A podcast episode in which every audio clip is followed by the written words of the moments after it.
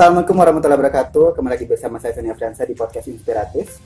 Dan kali ini Sony masih tetap berada di Jogja. Asik. Kota yang sangat romantis sekali pemirsa.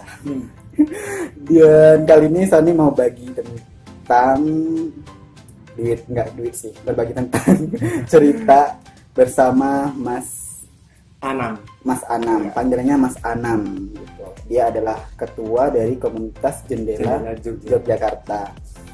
Wah, gimana ya nanti ceritanya pasti keren banget. Dengerin aja ya. Nah pertama kali mungkin aku pengen cerita kenapa sih komunitas Jendela ini terbentuk. Kan ini komunitas Jendela Jogja, pasti ada komunitas Jendela Jambi juga kan. Iya. Nah, Oh gak ada jam. oh nggak ada Jambi ya? Belum ada. Oh belum ada berarti. Lampung baru. Oh Lampung baru ada. Oh maaf. Jadi intinya komunitas jendela udah ada di beberapa bagian di Indonesia. Tapi Jambi belum ada ya. Semoga Jambi Jambi, segera ya. Amin. Amin. nah komunitas jendela ini terbentuknya karena apa sih? Jadi awal terbentuknya komunitas jendela sendiri itu eh, berawal dari eh, apa ya? Eh, inisiatif dari teman-teman mahasiswa Jogja yang dulunya itu eh, kuliah di Jogja Hmm. dan kebetulan tahun 2010. Jadi awal terbentuknya komunitas jendela Jogja sendiri itu Iya. mulai dari 2010. Di 2010 ada erupsi Merapi Hmm. erupsi Merapi itu Merapi meletus dan banyak korban-korban Merapi khususnya anak-anak kayak itu yang bikin Iya. mengetuk hatinya teman-teman mahasiswa gitu kan ingin eh, berkegiatan sama anak-anak khususnya jadi mereka ingin berkegiatan untuk trauma healing sebenarnya Oh, Jadi lebih ke trauma healing gitu trauma ya. healing ya trauma healing dengan cara eh, berkegiatan dengan buku dan perpustakaan jadi ingin mendekatkan anak-anak dengan perpustakaan sama buku lagi gitu Oh, berarti dari tragedi tragedi Merapi. erupsi Merapi Oh, erupsi Merapi Ya. tahun 2010. 2010 dan Itu memiliki dampak yang menurut aku tuh kayak ekonomi juga kena, Ya. dampak pendidikan juga kena, otomatis jadi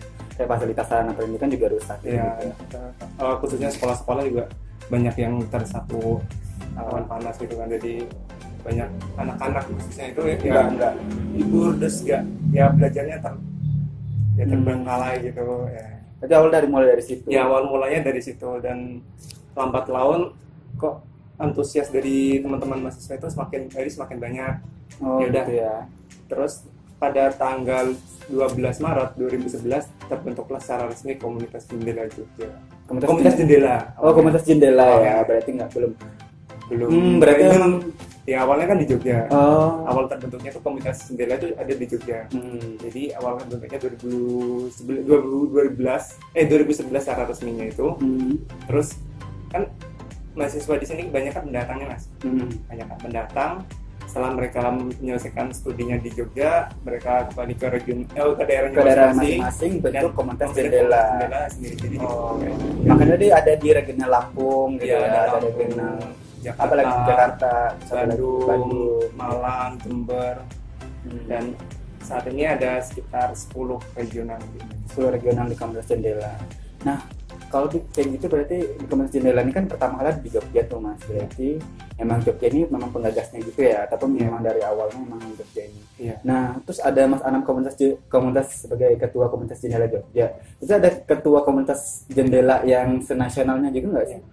Kalau sebetulnya ada, jadi ada komunitas, ada ketua pusat, pengurus pusat namanya. Oh, pengurus pusat. Ya, itu diketuai oleh Mas Boy. Hmm. Itu Oh, Mas Boy yang bilang itu. oh, enggak. enggak. Bukan ya. Enggak. Oh, gitu. Jadi, Eh, Mas Boy namanya Mas Boy Adi Chandra. oh, nggak bisa bercanda. Itu ketua pusat yang menaungi ko- komunitas-komunitas jendela di regional. di regional masing-masing gitu ya. Dan kita juga punya ketua di setiap regionalnya Iya. masing-masing. Di pusat itu juga punya eh, pengurusnya, Pengurusnya juga. juga. Divisi-divisinya juga punya nggak sih di pusat? Kalau pusat divisi-divisinya ada, Apa aja tuh? ada divisi program Hmm. kerjasama, eh, relawan, danus atau bisa bisa bilang apa namanya? Ya danus danus ada ada usaha ya. dan ada usaha sama media. Ada lima Ah, ada divisi. lima divisi. Nah setiap divisi itu dia nanti kan buat program tuh Iya. korelasinya sama setiap eh, regional apa ngadain program sendiri? Setiap regional ngadain program sendiri-sendiri ya. Sa. Ah, Jadi eh, lebih di ini sih mas, lebih dibebasin teman-teman regional tuh mau proker kegiatan apa tiap divisinya itu apa? mau Divisinya apa? itu bebas. Oh, nah terus tugas yang eh, yang dari pusat tuh ngapain? Misalnya divisi yang di pusat.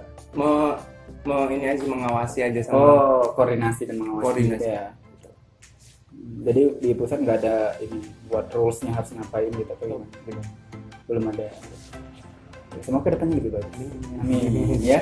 Nah biasanya ada musyawarah gitu nggak sih? Gitu, atau atau misalnya kayak musyawarah tahunan untuk ada ya? kalau musyawarah kita belum kita biasanya tiap tahun tuh ada acara rutin Hmm, di nasional tuh makrabnas ah makrab nasional dan kebetulan tahun ini baru aja kemarin tanggal 19 sampai 21 itu ada makrabnasnya di Jogja Oh, jadi kembali lagi ke Jogja di Jogja, di, sini Jogja. juga. di, di Jogja di Kaliurang Oh di Kaliurang. ya Di situ kemarin makrab nasional, makrab nasionalnya Makrabnasnya banyak juga yang dari luar tuh datang ya, gitu ya. banyak dari Rual dari Lampung dari Bandung Jakarta Malang Jember Banyak.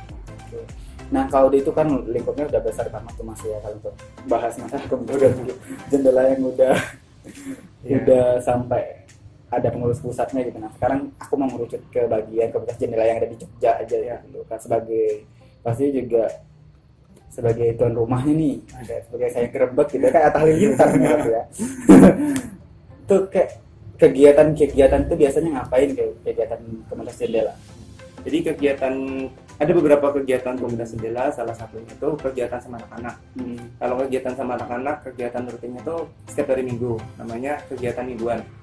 Jadi setiap hari Minggu kita berkegiatan di desa binaan dan saat ini komunitas jendela Jogja itu ada dua desa binaan. Yang pertama di sini di Ngeplak Jalan ini namanya ngeblak jalan Ngeplak, ngep desa Ngeplak. oh ngeplak Ngeplak seblak Jalan beda dong. Beda. beda arti ya Seblak. ngeplak? Oh, ngeplak. oh ngeplak Ngeplak. Ngeplak, oh ngemplak aduh banget ya Ngeplak. ngemplak Ngeplak. oke Iya. ngeplak itu plak ya. beda itu nampar ya Itu nampar. oke Terus satu lagi di Deresan Bantul Eh, di Bantul Bantul di daerah Bantul. wah kemarin saya barusan dua hari yang lalu dari Bantul juga Oh. dari Mogiri Jadi mungkin oh jauh berarti kita di ini sih di Bantul kotanya. di Bantul kotanya agak kota lah ya Agak kota ini masih manjerok manjerok ke dalam. Hmm. Akhirnya juga pedalaman. Iya, gitu. Oh, ada desa binaan juga berarti ya? ya itu ada binaan bukan desa binaan sih sebenarnya. Aku lebih nyebut lebih cocok nyebutnya desa dampingan aja. Oh, desa dampingan. Iya, Beda dong, ada binaan sama dampingan. Iya makanya. Beda tuh. Gimana kalau membina sama mendampingi? Gimana tuh? Kalau membina itu kayaknya lebih, waduh formal banget kayak serius ya, bukan serius sih maksudnya. lebih, Gimana? lebih enak kalau disebut dampingan sih. Oh, Desa. tapi intinya maksudnya mas ini sama itu Sama sih, gitu. iya. Cuman bahasanya aja Bahasa, ya. Akhirnya iya, aku iya. beda misalnya oh ini desanya binaan, ini desanya dampingan, gitu, Iya. beda-beda. Oh. Jadi desa itu ada dua, jadi setiap minggunya kita kegiatan di situ. Setiap minggu Setiap minggunya always. selalu kalau teman-teman ada yang nyesel ya selalu rutin setiap minggu sih biasanya. Oh, berarti setiap minggu tuh ngajar gitu di sana atau gimana sih? Ya, jadi nah untuk kegiatannya sendiri kita biasanya ada setiap bulannya itu ada tema-tema per bulan.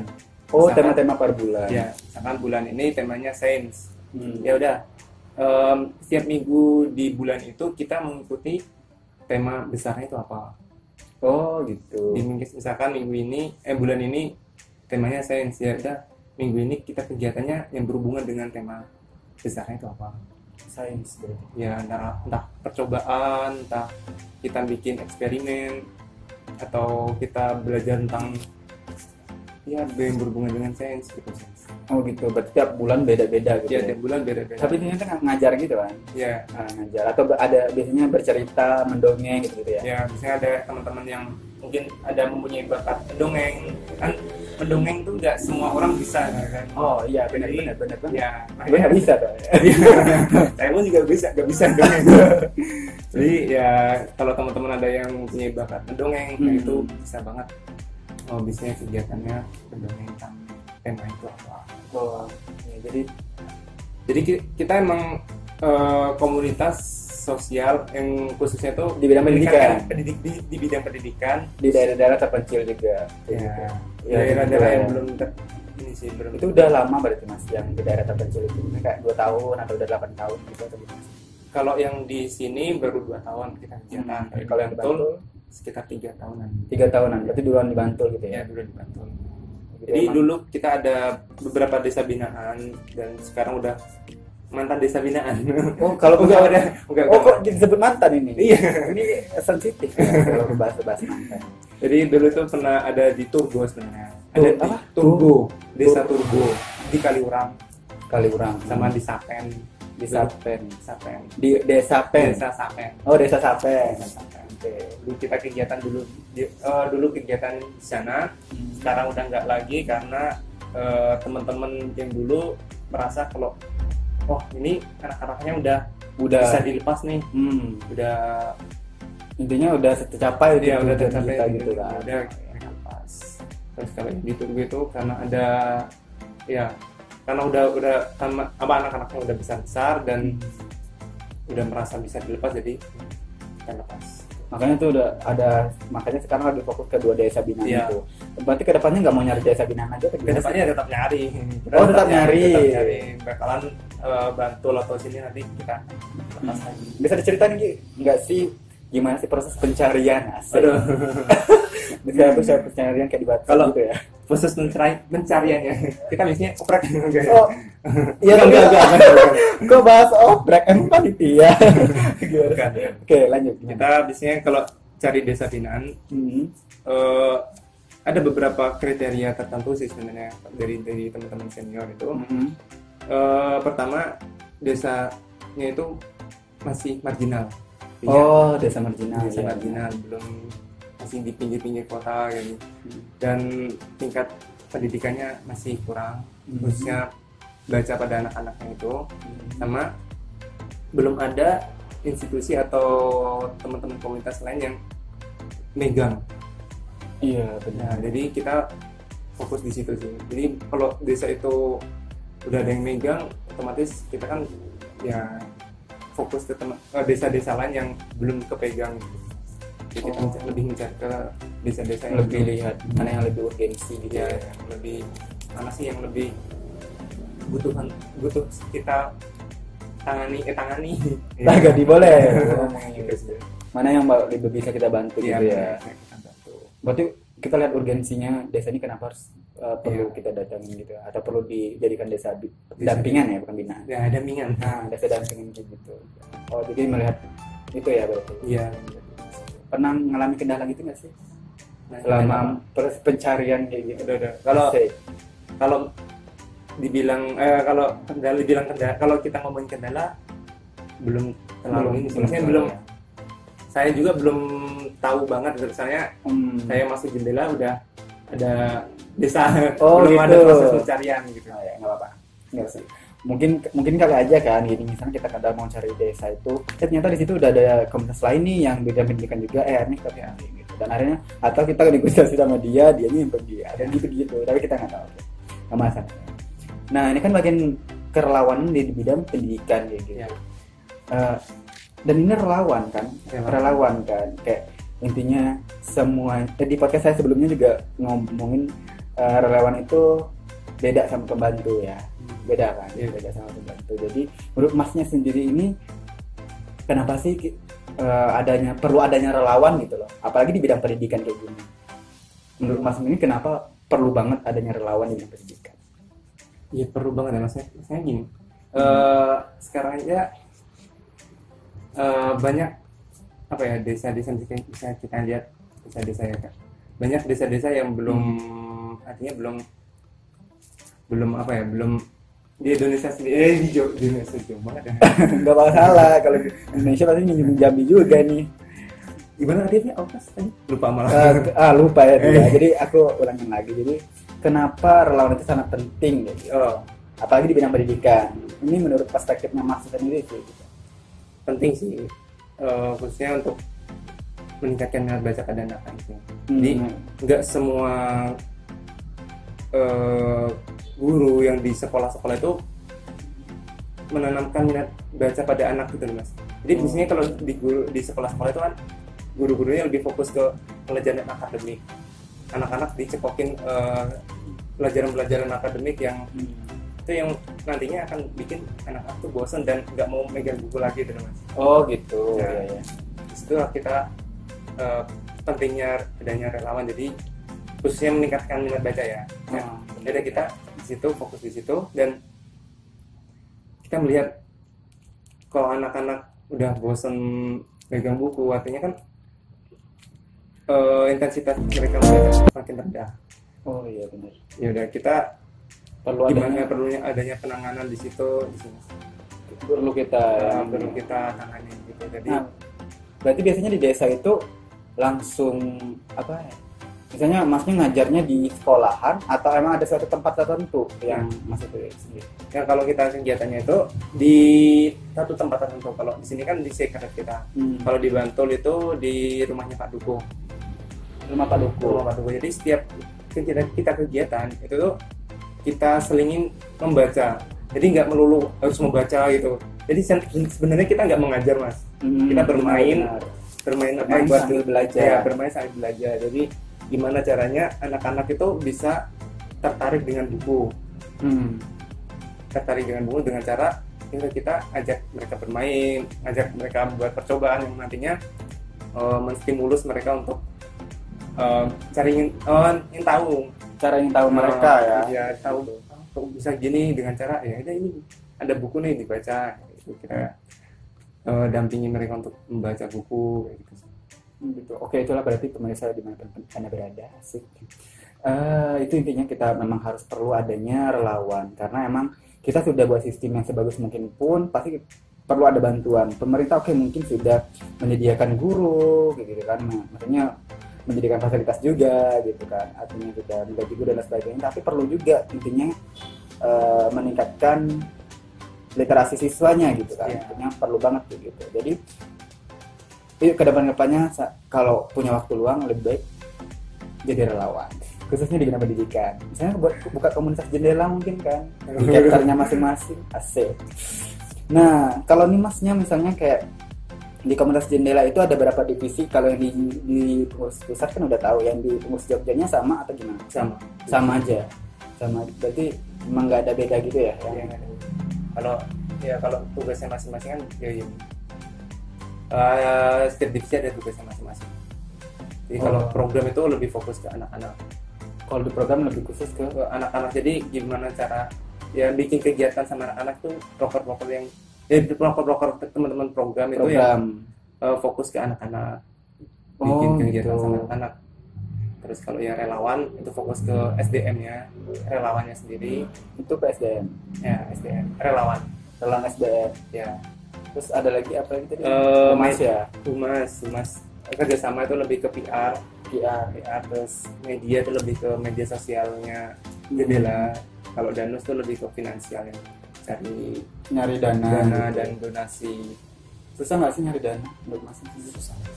Susah banget bisa apalagi eh, khususnya komunitas jendela Jogja itu eh, sampai saat ini belum ada bantuan dari pemerintah kayak gitu belum sih dan kita Semoga. eh, saya semoga ya. semoga dapat dibantu oleh Amin. pemerintah. Amin.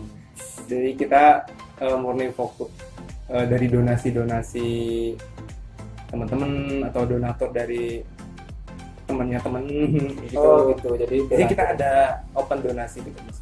oh biasanya melakukan open donasi ya Open donasi entah itu buku atau uang tunai ataupun baju bekas yang nantinya kita kumpulin terus kita jual lagi oh dan eh, uangnya itu ya buat operasional komunitas jendela Jogja. wow, mulia sekali ya pemirsa Asik, semoga kita bisa ketularan juga kayak masnya ya. Anam ini biar bisa apa sih yang bisa kita lakukan dan sebasi ke lingkungan sekitar kita. Kalau ngomongin tentang anak-anak, identik dengan apa sih? Hmm, dengan kata bandel kan. Nah, pernah kepikir gak sih ketemu anak yang bandel gitu? Atau pas di desa-desa itu, ini kok orang kok susah banget sih ngaturnya? Nah, dari komunitas jendela sendiri mungkin punya tips dan trik untuk mengatasi ini. Iya. Mungkin kalau dibilang bandel, setiap enggak enggak bandel juga sih. Nggak bandel juga ya, bandel agak- Setiap gimana anak lah gitu punya ya. karakternya masing-masing gitu. Hmm. Eh, ada anak-anak yang istilahnya jahil gitu. Ah, jahil ya. Jahilin temennya.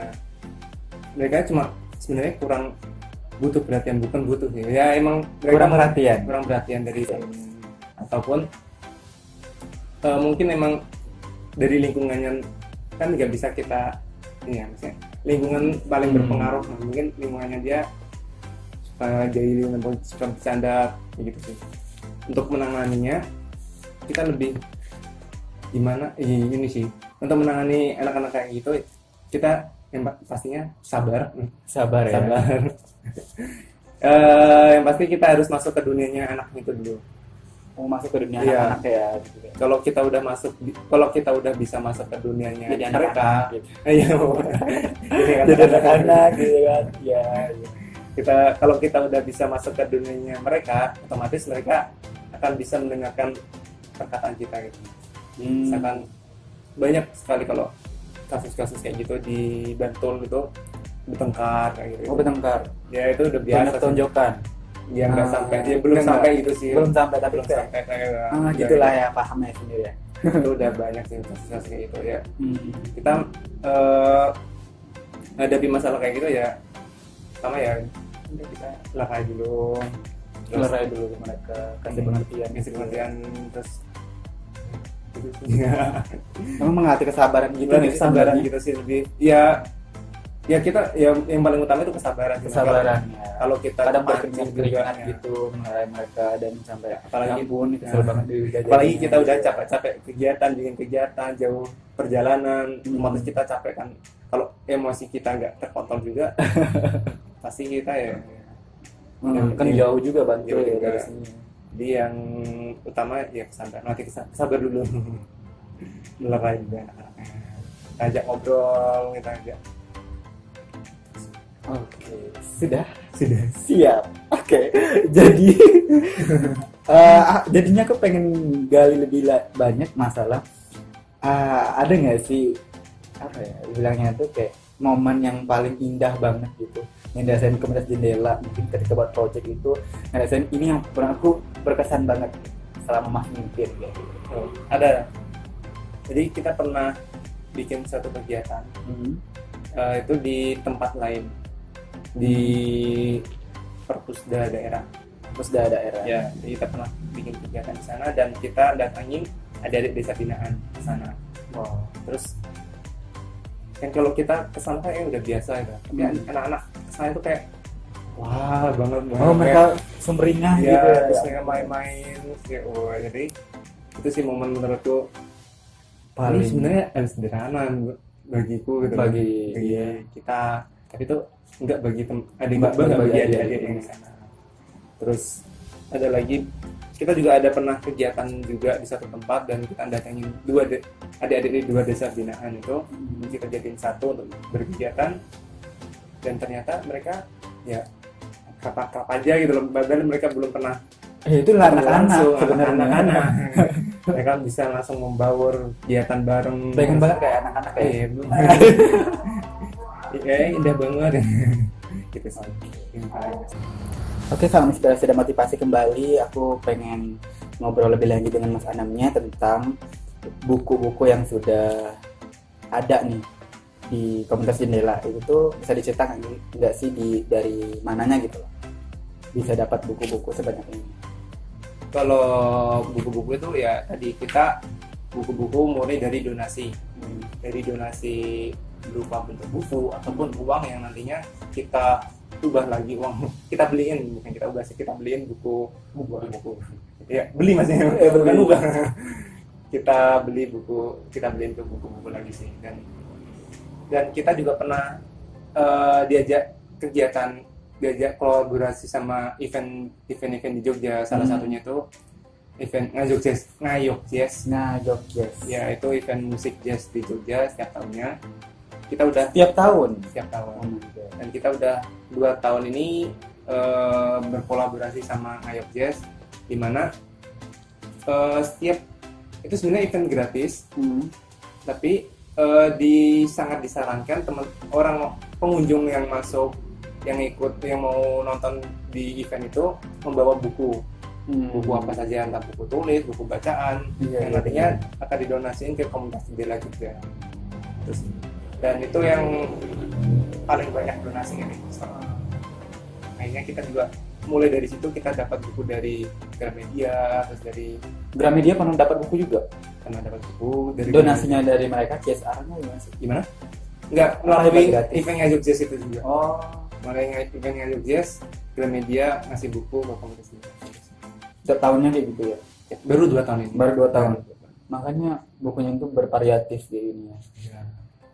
Dan itu setiap katanya tadi bahwasanya eh, setiap minggunya tuh diubah ada tiap Tiap bulan? bulan dua bulan. Dua bulan sekali ya? Itu tuh dibu- diubah ya? Misalnya, eh, buku-buku yang ada di desa di dampingan tadi? Oh ya jadi sebenarnya kita beda lagi sama desa dampingan. Hmm. ada kita ada enam perpustakaan mini kita sebutnya. Hmm. enam perpustakaan mini di mana kita eh, di desa binaan juga kita ada naruh buku-buku sebenarnya. Di Hmm. Bantul juga ada buku. Tapi di enam perpustakaan mini kita juga ada buku juga. Di mana? Ada di Jetis di Ambar Ketawang di Gunung Kidul Hmm. Ambar eh, Bantul Turgo sama di sini. Termasuk enam perpustakaan itu termasuk masuk binaan. rumah ini. Ya, masuk rumah ini juga. Ya. nah enam perpustakaan itu berarti perpustakaannya boleh diakses sama siapa aja Iya, bisa diakses sama siapa saja. itu rumah Itu beda-beda. Jadi Ah. kita ada yang naruh di masjid, kita Hmm. kolaborasi sama komunitas-komunitas yang udah berkegiatan di situ. Jadi di situ kita membantu mensuplai buku gitu sih sama komunitas. Hmm, jadi mereka udah nyediain tempat Ya. rak-rak gitu Ya. gitu jadi Kita kita kita yang menyediakan hak, Hmm. kita yang ngasih buku dan setiap dua bulan sekali kita ganti buku-buku yang di situ.